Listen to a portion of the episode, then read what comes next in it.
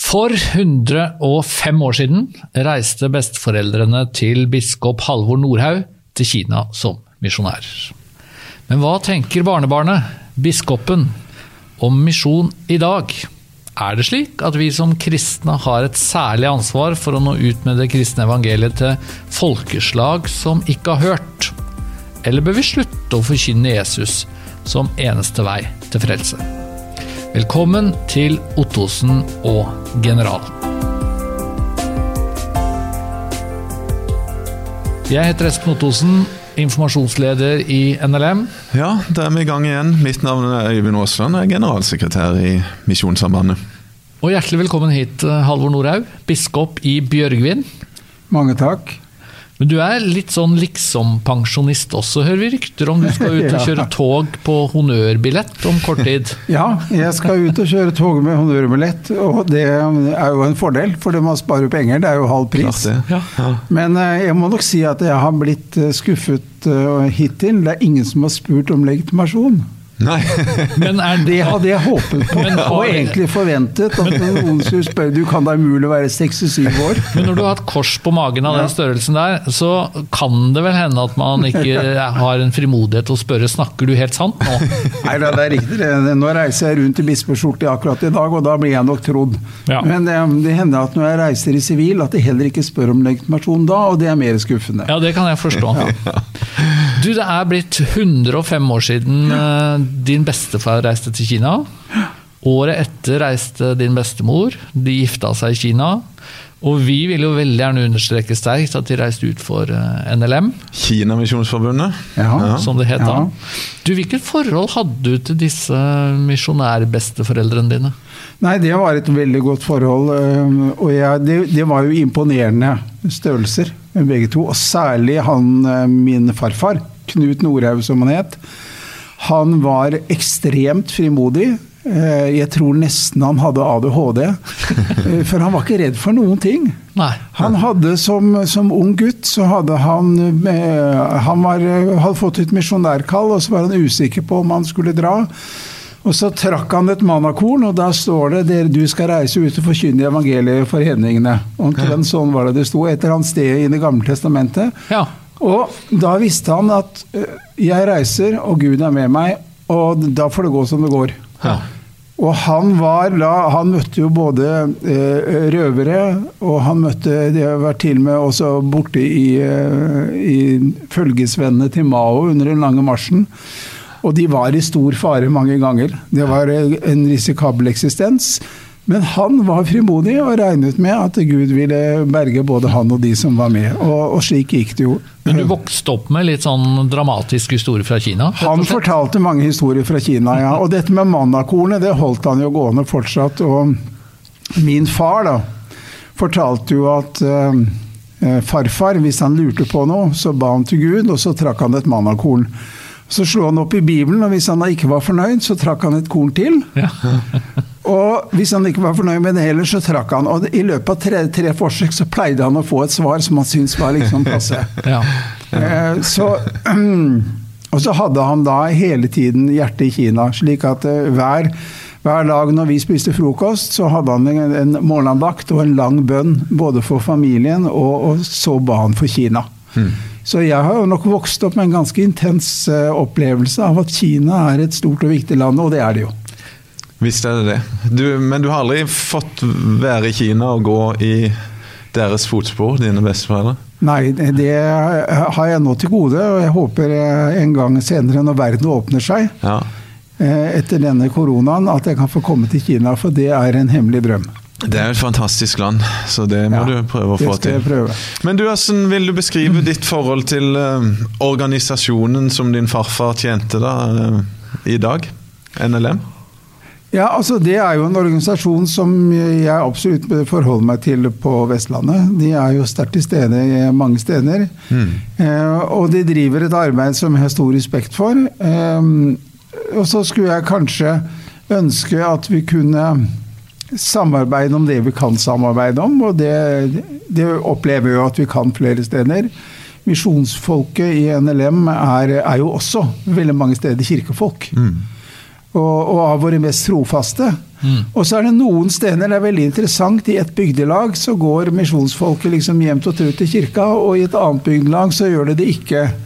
Eh, og det, det har sin bestemte historie. Det kan ha med en emissær som var litt polemisk, eller en prest som var uklok, eller kanskje begge deler. og så så dette er forskjellig, men um, i utgangspunktet så tenker jeg at vi som jobber i Guds rike, vi må snakke hverandre opp og ikke ned, for det er så mange andre som gjør.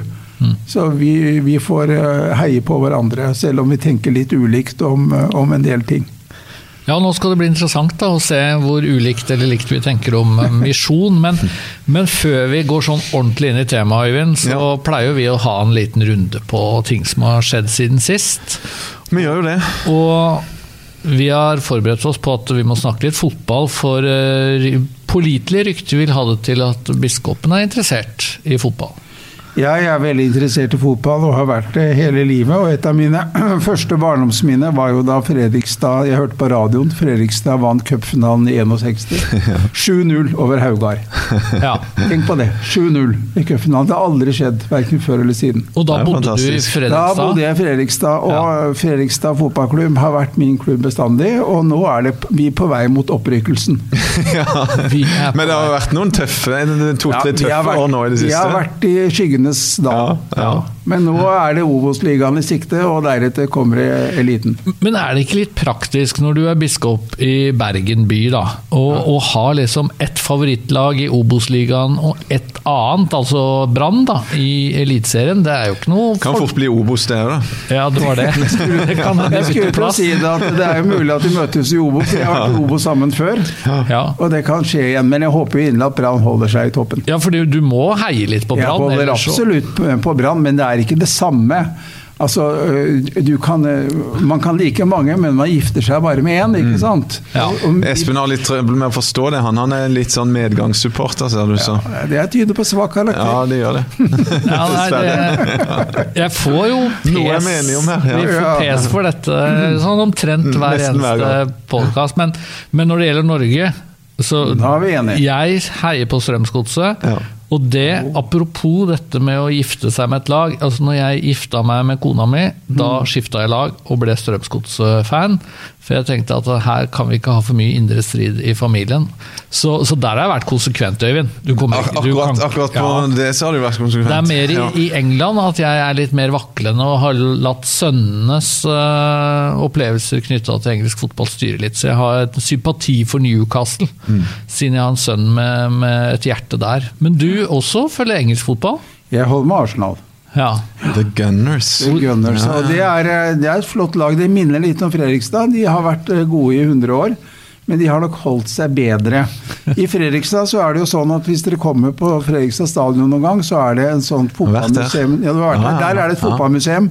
Og der henger alle lagene som har vunnet. Det er faktisk 20 eh, ganger at Fredrikstad har blitt enten seriemester eller norgesmester. Men det er sånn som guiden sier, da, at de fleste bildene er dessverre i svart-hvitt. Nei, han, eh, min eldste sønn gikk ja. på, på, skolen på stadion. Altså Vang eh, toppidrett. For en lykke! Ja, men, men, jeg tror ikke kjærligheten til Fredrikstad fotball vokste fram, da. Det, Nei, det er jo bare å si.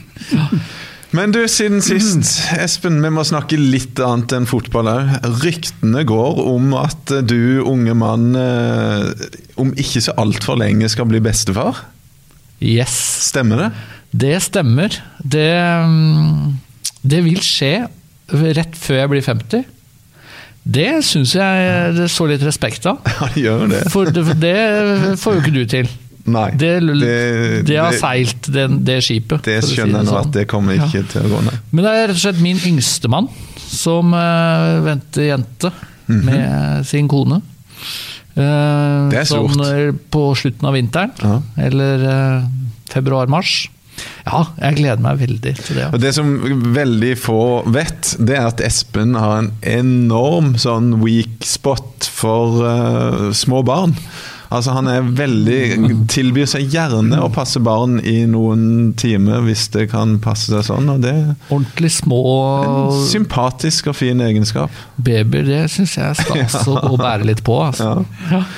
Men du som eh, kjører honnørbillett, du har litt barnebarn, regner jeg med? Jeg har eh, åtte barnebarn. Ja. Ja. Og fikk nettopp tvillinger i februar. Oi. Oi! Min sønn nummer to. Så det er stor stas og veldig intenst. Ja, det kan jeg ta. Du, Hvordan er det å være biskop nå med denne koronasituasjonen? Er ting sånn ganske tilbake til normalen i Bjørgvin bispedømme, eller merker du at mye er fortsatt annerledes? Altså, det har jo vært en veldig krevende tid, særlig med det å få um, eh, konfirmasjon i, i, i vår. Det- Alt dette måtte utsettes. Nå er de konfirmasjonsgudstjenestene gjennomført, og det har gått eh, bra, tror jeg. Men vi har jo fortsatt restriksjoner på fremmøte, og det betyr jo at det er veldig mange som det hadde vært plass til, Ja. kommer ikke. Fordi de er usikre på om det er plass. Ja. Eh, og jeg er redd for at vi får et veldig dropp i dåpstallene. Eh, vi driver nå litt oppsøkende til folk som har vært kontaktet oss tidligere, og, og imiterer tilbake. Og sier at vi har, vi har god anledning til å døpe, men um, vi vet ikke hvor mange vi får tak i. Eh, så det har vært en krevende tid.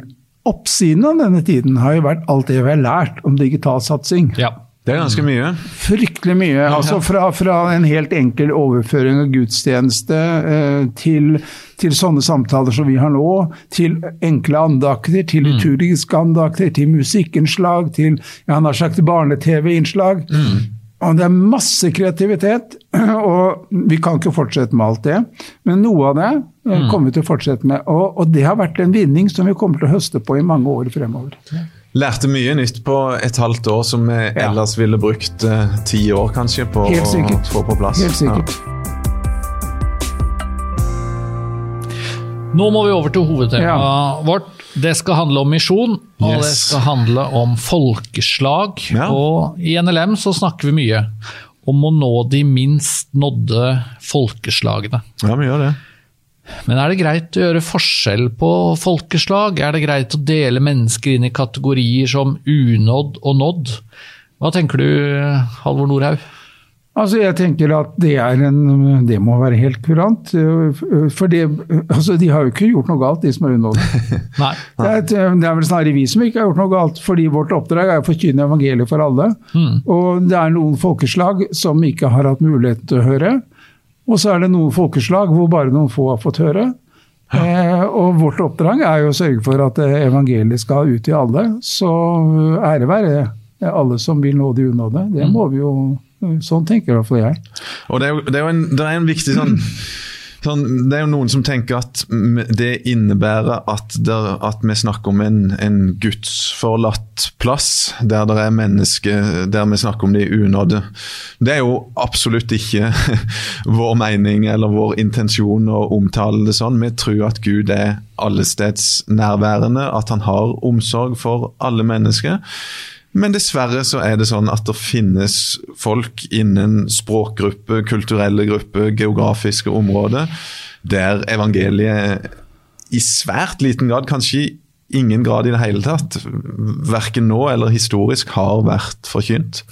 Men folkeslag som begrep, Øyvind, vi bruker jo mye det i NLM. Altså Ja, nå de minst nådde. Men, men uh, hva er et folkeslag? Hvordan, hvordan svarer man på spørsmål om hvor mange folkeslag som finnes, eller hvor mange som er unådde? Har, man- har man statistikk, oversikt på dette? Det er jo det. Det er, det er mye litt sånn ulik statistikk på det. da. Det kommer jo an på hvordan du regner, hvordan du definerer en folkegruppe. Men mange bruker jo en sånn såkalt etnolingvistisk måte. altså Det handler om etnisitet, det handler om hvilket språk du snakker, og, og definere språk ut ifra det. Og så er det noen i, i misjonsbransjen da, som vil, som vil eh, definere det på sin måte. Altså en visst antall mennesker i et gitt område der evangeliet kan bevege seg fritt. Altså at det ikke er geografiske hindringer, språklige hindringer for at evangeliet eller et hvilket som helst budskap, da, men i vår sammenheng evangeliet kan bevege seg fritt eh, og, og, og nå hele gruppa, sånn sett. Jeg har lest et eller annet sted at uh, The Joshua Project, som er en sånn nettside og en slags bevegelse som, som Ja. prøver å ha oversikt over dette, sier jo at det finnes mange mange tusen ulike folkeslag. Ja, 14 500 eller noe sånt. Ja. Og av de så er godt og vel 7000 blant de minst nådde. Det vil si, det, og minst nå, det er jo en litt sånn fiffig definisjon på det. Altså en folkegruppe som trenger at det kommer noen utenifra for å forkynne evangeliet. For, for det kristne vitnesbyrdet er så lite til stede innen den folkegruppa at det antagelig ikke vil spre seg uten at det kommer ytre noen utenifra. Mm. Så det er jo Joshua Project har 'bringing definition'. Det er liksom det sin greie. ikke sant? Prøve å definere og få litt orden, sånn at vi som er opptatt av det her, kan se hvor det er størst behov. Mm. Og det er, jo, det er jo derfor vi snakker om det i Misjonssambandet, for at vi kan eh, liksom være på hogget og, og vite hvor er det vår innsats er mest eh, påkrevd. Og dine besteforeldre de reiste vel rimelig sikkert til Kina fordi at de tenkte at kinesiske folk de trenger det kristne budskapet, og de har i veldig liten grad møtt det. Ja da, og det var jo riktig den gangen, og det er også riktig nå. ikke sant? Eh, Riktignok så er det jo Kanskje er det så mange som 100 millioner kristne i Kina, men noen mm. sier 50, noen sier 100, og det er jo mm. fantastiske tall. Helt det er jo få land i verden vel hvor det er så mange kristne som det er i Kina, men det betyr jo fortsatt at de aller fleste kinesere ikke tilhører en kirke. Mm. Ja. Og veldig mange av dem har antageligvis ikke hatt noen kontakt med det kristne budskapet. Så mm. utfordringen Kina er jo høyt eh, til stede fortsatt. Ja, og så er det enorme forskjeller innad i Kina. Jeg husker fortsatt jeg var på, mm, på en rundreise der for en del år siden i, i mange forskjellige byer, og da så jeg jo at det var jo bare en flytur på to timer, så var situasjonen totalt forskjellig. I mm. en av byene jeg var, så var jeg på gudstjeneste hvor det var eh, mange, mange tusen på den ene gudstjenesten. Jeg fikk beskjed på vei ut at dette var gudstjeneste to av mm. fire. Ja. uh, så dro jeg til en annen by hvor uh, det var stort sett muslimer som bodde i mm. området. Mm. Og, og, det var rett og slett ikke menigheter og kirker omtrent i det hele Men alt er sant om Kina, vet du. Uan, ja, alt er sant. Et eller annet sted ja, i Kina det så er det du sier sant. Men hva tenker du om situasjonen i norske kirke og misjon? Altså Er det si, god latin å snakke om de minst nådde? Er det et språk man kan bruke? Jeg tenker i hvert fall at vi må tenke misjonalt om det å være kirke. Og misjonalt betyr jo at vi strekker oss utover. Mm. Altså at vi, vi sender evangeliet eh, ut, eh, og ikke bare holder det for oss selv. Eh, og så bruker vi jo vanligvis ikke ordet misjon om, om det å, å forkynne evangeliet for døpte. Nei. Eh, og våre medlemmer er jo døpte, det er jo derfor de er medlemmer. Men eh, store deler av norske folk er jo ikke døpte, ikke sant? og har jo ingen eh, og mange av dem har kanskje ikke engang hørt evangeliet. og Da er du inn i en genuin misjonssituasjon, selv om vi fortsatt er i Norge. Man bør ikke reise mange hundre meter fra Fjellhaug for å møte folk som ikke har hatt noen kontakt med evangeliet. Så, og Det er en misjonssituasjon. Men overfor våre medlemmer så tenker jeg vi er i en evangeliseringssituasjon. og vi må gi dem det evangeliet som de er døpt til. Ja, for i praksis så vil nok vi si, da, med vår lavkirkelige lavkirkelig bedehusbakgrunn, at, at forskjellen trenger jo ikke være så veldig stor på det å være et uh, døpt menneske Eh, og ikke være døpt, fordi det er jo mange som ikke har fått noe særlig opplæring og, og den slags. Det er jo litt av folkekirkens eh, svøpe, men selvfølgelig også mulighet. Ja, jeg vil understreke muligheten i det at man er døpt, fordi at man er døpt betyr jo og Der må vi jo velge å ta foreldrene på ordet. Vi spør vil dere at uh, hun eller han skal oppdra sin kristne forsakelse og tro. Mm. Uh, og de, svarer ja, ikke sant. Og så vet vi kanskje at uh, hjemmet bidrar ikke med så mye bestandig, men menigheten er der. Vi alle døpte har jo vi register over. Vi, vi sender ut tilbud om trosopplæring. Ingen, altså denne kontaktflaten eh, som vi har gjennom trosopplæring, hvor vi prøver å nå alle døpte med et, et eller annet tiltak hvert år, mm. hadde vi jo ikke hatt hvis de ikke var døpte. Nei. Og dessuten så er jo dåpen i seg selv en gave. Men den gaven forutsetter jo opplæring, og at den som blir døpt, lever i tro. Mm. Eh, men eh, dåpen er jo det stedet hvor vi begynner, da. Mm. Men tilbake til, til, selve det som handler om misjon. Eh, mm. En av grunnene til at du er her i dag, er jo at du skrev en bok som vi har snakket om før. Som heter 'Men hva med de andre? Kristendommen og religionene'. Og noe av det du diskuterer der, er jo dette med uh, Er Jesus eneste uh, frelsesvei? Eh, og det er veldig kjent dette bibelordet fra apostlenes gjerninger 4.12.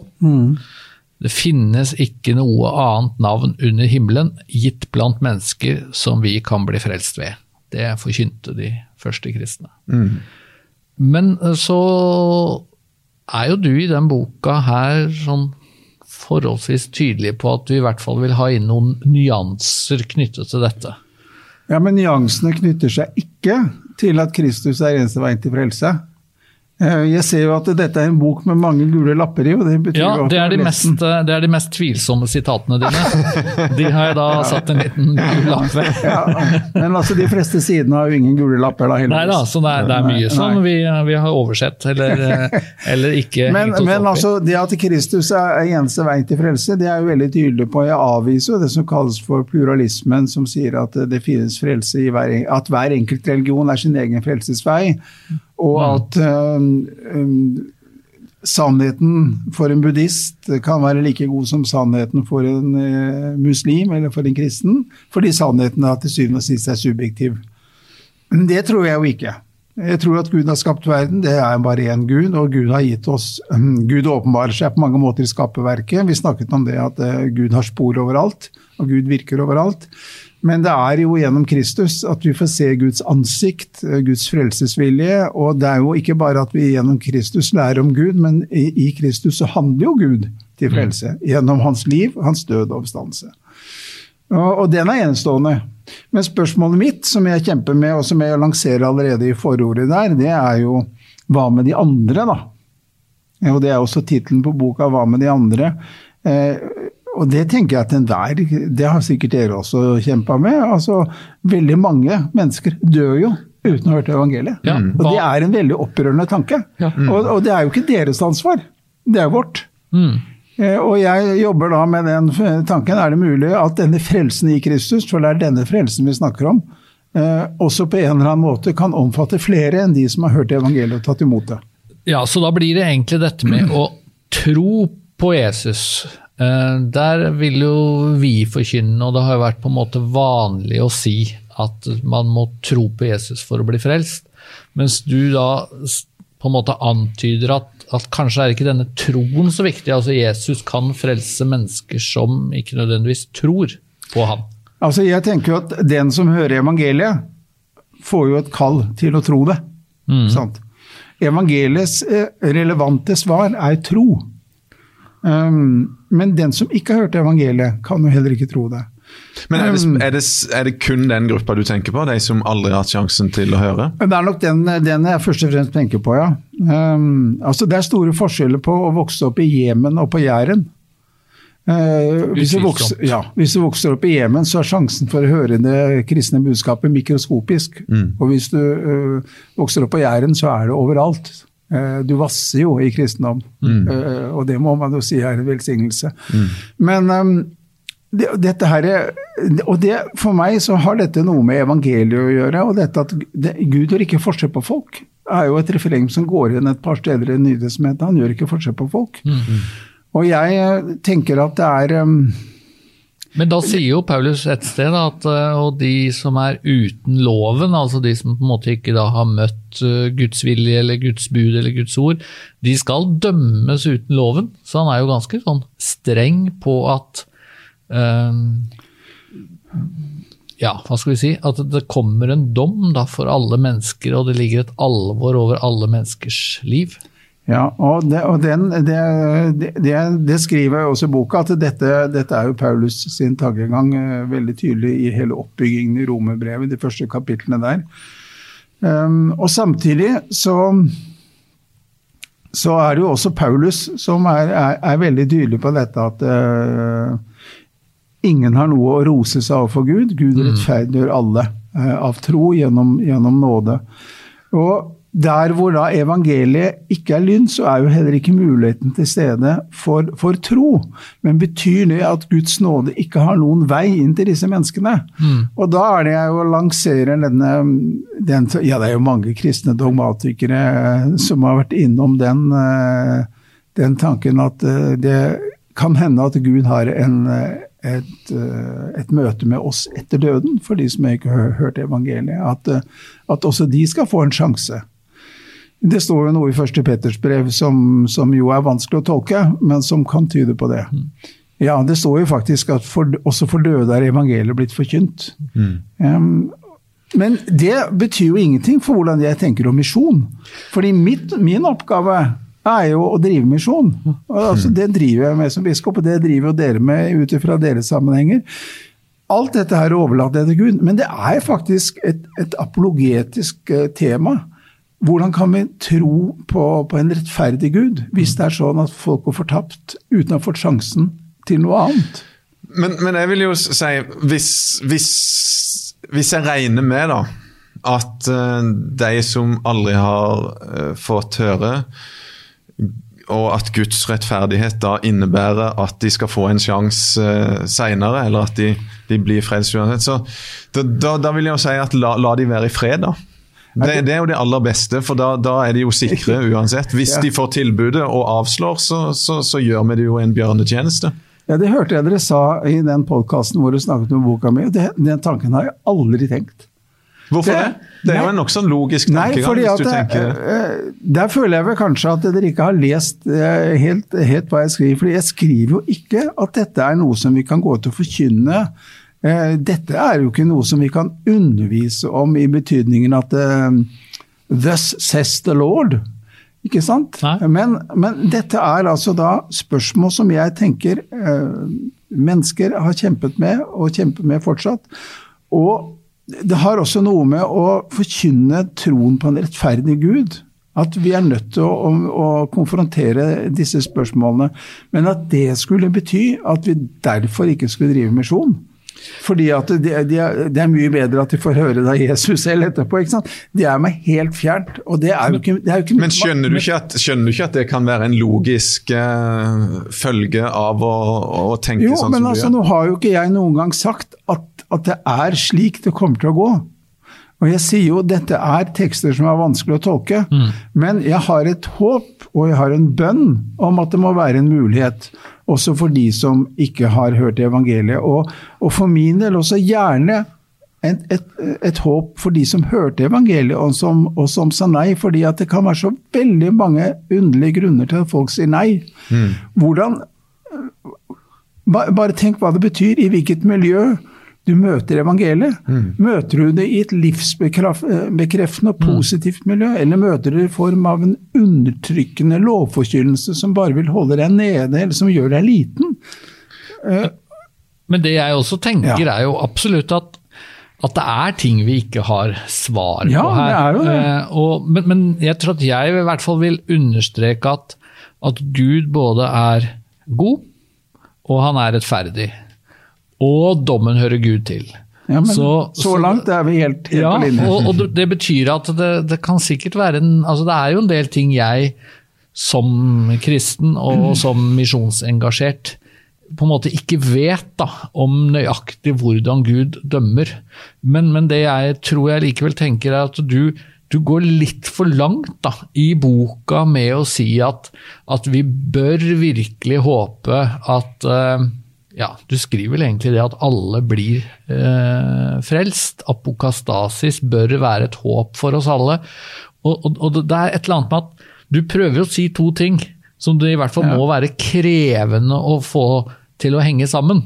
Men hvis alle, hvis frelsen i Kristus er så stor at den skulle omfatte alle mennesker, så har vel ikke Espen Ottesen noe imot det? Nei, det Spørsmålet er vel ikke om Espen Ottosen har noe imot det, men er det belegg, bibelsk belegg for å si det? Nei. Og Der, der, syns, der, der sier du jo sjøl at du har noen litt sånn utydelige vers som du kanskje tenker kan si det, men det totale bibelske vitnesbyrd er jo ganske tydelig på at det er ett navn som er gitt til frelse, og veien, sannheten og livet osv. Så, videre. så da blir mitt spørsmål Hvorfor betyr det her så Hvorfor lar du det her bety så mye? At du til og med skriver en hel bok. Jo, det, men, det er et viktig jo, tema. Men nå mener jeg jo at hvis det er en frelse for, for flere enn de som har hørt og tror, da, så er det jo ingen annen frelse enn den som er i Kristus. Det er ingen annen vei. Ingen kommer til Faderen uten, uten med meg, og det, det, står jeg på helt og fullt. Mm. Uh, men hvordan altså, Espen, du må jo innrømme at det er krevende å fastholde tanken på at Gud er rettferdig. Hvis vi skal bli frelst, vi som hørte og trodde, og de skal gå fortapt, de som ikke hadde noen sjanse verken til å høre eller tro, bare av geografiske grunner. Ja, helt klart. Det er klart. veldig opprørende. Altså. Og, og, hvilken gud er det? Kan vi ha tillit til en gud som liksom håndterer folk såpass uh, ulikt?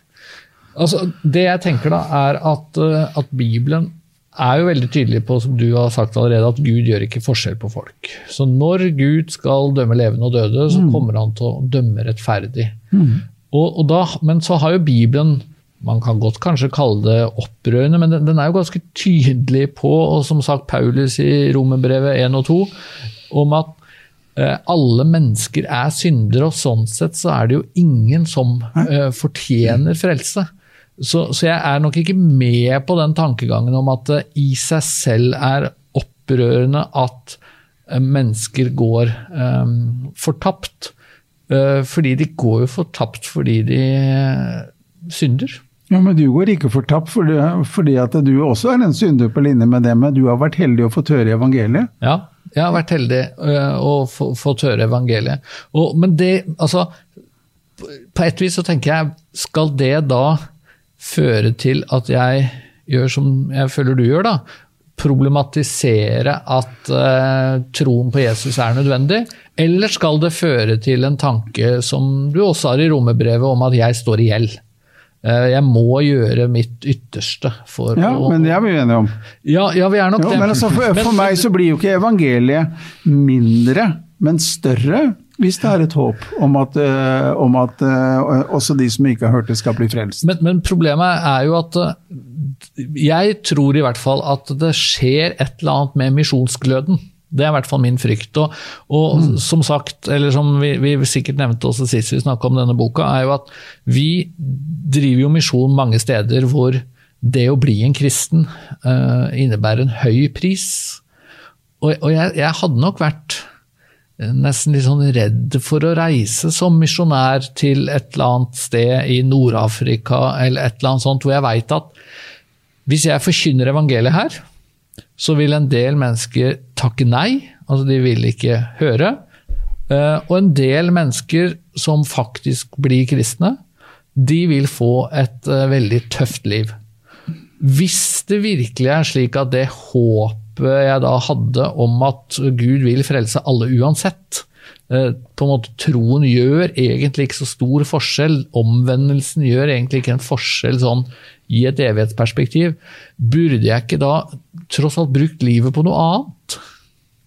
Uh, nei, altså jeg, jeg, jeg, hører hva du sier og, skjønner det for så vidt, men uh, for meg så er det altså ikke sånn Hadde jeg vært sikker på at det fins en mulighet for alle etter døden, eller at Gud hadde en frelsesvilje for alle, altså denne såkalte apokatastasislæren, så kan jeg vel tenke at jeg hadde kanskje lent meg tilbake, men det kan jeg jo nettopp ikke være. Og det skriver jeg også veldig tydelig i denne boka, at domstanken er så gjennomgående, ikke bare hos Paulus, men også hos Jesus.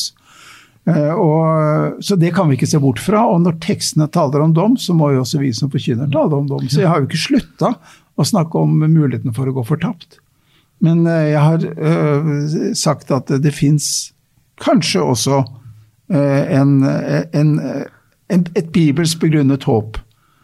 Ja, og la oss gå til det òg, for det hadde vi tenkt at det, det, må vi svinge innom til slutt i denne samtalen om misjonen. Du snakker jo om at, at det er egentlig spenninger i bibelmaterialet på dette området. Et sted Eh, hvor jeg har satt en gul lapp, da, så skriver du at det finnes flere tekster i Det nye testamentet som støtter tanken om apokatastasis. Altså uh, at alle mennesker blir frelst. Og da har jeg liksom fundert på hva får det å bety for synet vårt på Bibelen? For jeg, jeg syns jo det ville vært uh, bortimot tragisk hvis det er slik at Bibelen er i strid med seg selv i et så viktig spørsmål. Altså at Paulus, øh, for det er jo de tekstene du viser til, har et par tekster hvor han faktisk sier at alle kommer til å bli frelst. når han så tydelig andre steder snakker om at uh, f.eks. i Filippebrevet 3 at mange vandrer som fiender av Kristi kors. Um, de ender i fortapelsen. Så for, for, meg så går, er det et eller annet med tilliten til Bibelsyn. Bibelen. Ja, bibelsyn og litt sånn tilliten til Bibelen blir litt sånn vanskelig hvis i et så viktig spørsmål så er det sprik her. Ja, um, nå er det jo sånn at det er en del uenighet mellom folk som leser Bibelen om ganske viktige spørsmål. Eh, F.eks. dåpen, da. Ja. Som vi vel uh, vil mene er et svært viktig tema. Der, men, men der, du vil ikke si at der sier Bibelen litt forskjellig, så det skulle bare mangle at man ikke ender opp ulikt? Nei, men jeg forstår at det er mulig å altså Jeg forstår at det er mulig å, å tenke som pinsevennene tenker. Ja. Mm. Men, ok, da. Jeg, kan, jeg, er med på det, da. ja, ja um, men, men når det gjelder dette med, med dommen, så mener jeg at det som er det står et sted i femte Mosebok, jeg tror det er kapittel 29, faktisk også vers 29, hvor det står noe om at, at det, er, det, er, altså mye som er skjult. Det er mye vi ikke vet, men vi må holde oss til det vi vet. Mm. Um, og, og, det er um, Og jeg tenker, Gud har åpenbart for oss det vi trenger å vite. Og det vi trenger å vite, er, er, evangeliet om Kristus. Det å leve som en disippel, å være i menighet og å gi evangeliet videre. Mm. Det trenger vi å vite. Så trenger vi ikke å vite, og det er vi vel da egentlig enige om, hva som er bak forhenget, til syvende og sist. Mm. Og så kan det jo hende da, at det er noen glipper i dette forhenget. Som, som, gjør at, at altså F.eks. når Jesus sier i Johannes 12 ikke sant, at når jeg opphøyes, underforstått opphøyes på korset, eller når jeg løftes opp fra jorden, så skal jeg dra alle til meg. Ja. Når Paulus skriver i første kor 15 at um, til, til, syvende og sist så skal Gud bli alt i alle. Mm. Det er jo et sånt totalutsagn. Ja, det er ord som drar i retning av, uh, av det jeg vil kalle for en bønn og et håp. Men de Men, kan jo tolkes, også de tekstene er vi jo, vil jo jeg si, tross alt såpass ulne da, med tanke på hva de, hva de virkelig betyr, at man kan jo lese de på en annen måte enn at de faktisk slår fast, eh, isolert sett, at alle mennesker blir frelst. Altså Uttrykket 'Gud skal bli alt i alle', det, det, står jo helt til slutt som ende, det er slutten på en lang lang tankerekke hos Paulus i første kor 15, så det kan man jo gå hjem og lese. Ja, Tar du det for pålydende, så er det i hvert fall mulig å si at her er det en, er en, en åpning. Men, men, som jeg selv sier, det fins altså en, et ganske tungt votum i, i, Bibelen for dommen. og her må vi jo handle litt sånn som i klimasaken, at vi må ta utgangspunkt i worst case. Og worst case ikke sant, er jo at fortapelsen fins. Og er en realitet. Og det må, det må vi ikke Jeg kan jo ikke unndra meg det ansvaret. For det vil være et veldig ansvar hvis jeg lot være å forkynne at det går an å gå fortapt, dersom den muligheten faktisk fins. Og veldig mye tyder på i Bibelen på at det er en mulighet for å gå fortapt for den som avviser Jesus. da Han sier at den som ikke vil kjennes ved meg, vil heller ikke jeg kjennes ved hos min far i himmelen. ikke sant? Ja, for Det bør kanskje også skytes inn, det tenker jeg er viktig å få fram, at, at det byr jo på store teologiske utfordringer å si at alle blir frelst. Ja, og det kan man ikke si. Nei, for, for, for, for altså, hvordan skal en rettferdig Gud sørge for at offeret får sin oppreisning? Hvordan skal en rettferdig Gud mm. sørge for at de som har begått horrible, grufulle ja. handlinger, de, de, på en måte slipper helt unna. Så, så, jeg tror det er det som også gjør at jeg tenker at jeg, jeg ganske raskt har lyst til å si da, i møte med disse spørsmålene at dommen hører Gud til. Men vi skal forkynne Jesus som eneste frelsesvei og troen på Han som helt avgjørende. Og så overlater vi til Gud eh, si detaljene og men, den, de enkelte dommene, da, hvis man kan si det sånn. Men det er jo en litt krevende tanke også at dommen skal være evig. Fordi at Vanligvis så tenker vi sånn at den som har gjort det urett, skal få sin straff. Mm. Men straffen skal jo også tjene til en type rehabilitering. Derfor så er det jo interessant, som jeg også skriver litt om i boka, da, at denne Origene, som lever midt på uh, i det andre århundret, utvikler jo en tanke om at alle skal bli frelst. Men først så kommer en dom, og så kommer også en straff. Mm. Og den straffen den skal da være i form av en rensende ild. Mm. Og der har vi jo liksom tilløpet til skjærsilden. Eh, og, og, Paulus skriver jo, har jo også litt av dette uttrykket 'han skal bli frelst dog gjennom ilden'. ikke sant? Det, dette har jo katolikkene utviklet, og det gjør jo ikke vi. Eh, men, det, er, det, kan jo hende at det som for oss er uforenlig, nemlig uh, tanken, tanken, på en dom, og også uh, til syvende og sist en frelse uh, for, de som, for, de som, blir dømt. Slik at offeret også får sin oppreisning, for det er jo veldig viktig. Gud må holde opprør med, med, oppgjør med dommen og med synden. Mm. Ja. Men jeg tenker likevel um Står du i fare for å, å, å snakke om Guds rettferdighet på, på en måte som eh, er særdeles begrensa og menneskelig, da?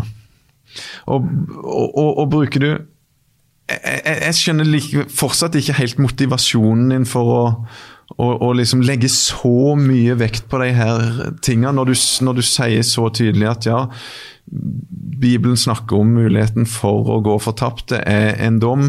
Og, og, og 5. Mosebok 29-29 om å, at det er noe som er skjult. Hvorfor prøver du så mye å få en glimt av et eller annet som du kanskje håper ligger der likevel i noen bibeltekster som ikke er særlig tydelige? Det, det blir liksom jo. det store spørsmålet mitt til slutt. da. Ja, og Mitt store spørsmål til deg er hvordan kan du være så rolig?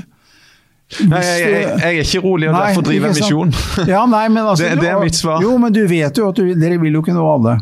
Vi ja. jobber for å nå alle, men vi vil ikke nå alle. Og det, og det dør Nei, og det, det, som du innleder med å si her Og det dør jo tusenvis av mennesker hver dag uten å ha hørt evangeliet. Og Derfor så kan vi ikke være rolig, Nei, men, men, men må stå på da, alt vi kan. Da kan vi heller ikke uh, lage et regnskap hvor vi sier at ja, men det er, det er helt greit for oss at, at, at, disse som ikke har hørt evangeliet, de, eh, de er faktisk redningsløst fortapt, for ellers så går ikke logikken vår opp.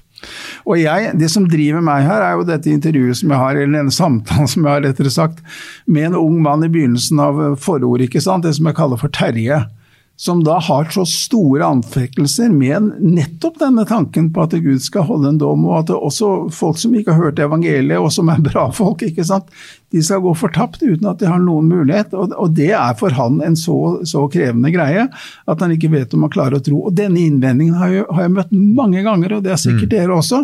Og den boka der er jo et forsøk på å arbeide med den innvendingen og, og, og holde fast på at det er et stort dilemma og, og, og, også ha et håp om at eh, Gud kan, kan, ha en løsning på dette. Og samtidig, det siste jeg skriver i denne boka, i etterordet, er jo en appell for misjon. Vi må drive misjon, hvis ikke så er vi ikke kirke. Mm. Og det er vår oppgave. Så får Gud ta resten. Jeg tror jo vi er enige med deg i at det er noen spørsmål her som er kjempekrevende. Ja. Og, og, og, Paulus sier i Filippebrevet 3 at jeg sier med tårer mange vandrer som mm. fiender av Kristi kors. Mm. Så at det er en smerte og at det er en kamp her, det, det tror jeg vi kan enes om. Det jeg tror vi er mest uenige om, er i hvor stor grad skal vi, skal vi si, spekulere rundt hvordan Gud kan løse dette slik at hva skal vi si, alle hensyn blir oppfylt?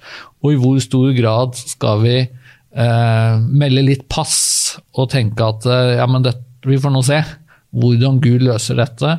Eh, mm. Vår oppgave er uansett å drive misjon og forkynne det vi mener. Jo, men altså, Den konklusjonen er jeg faktisk enig i. Altså, vi må jo melde pass. Ja.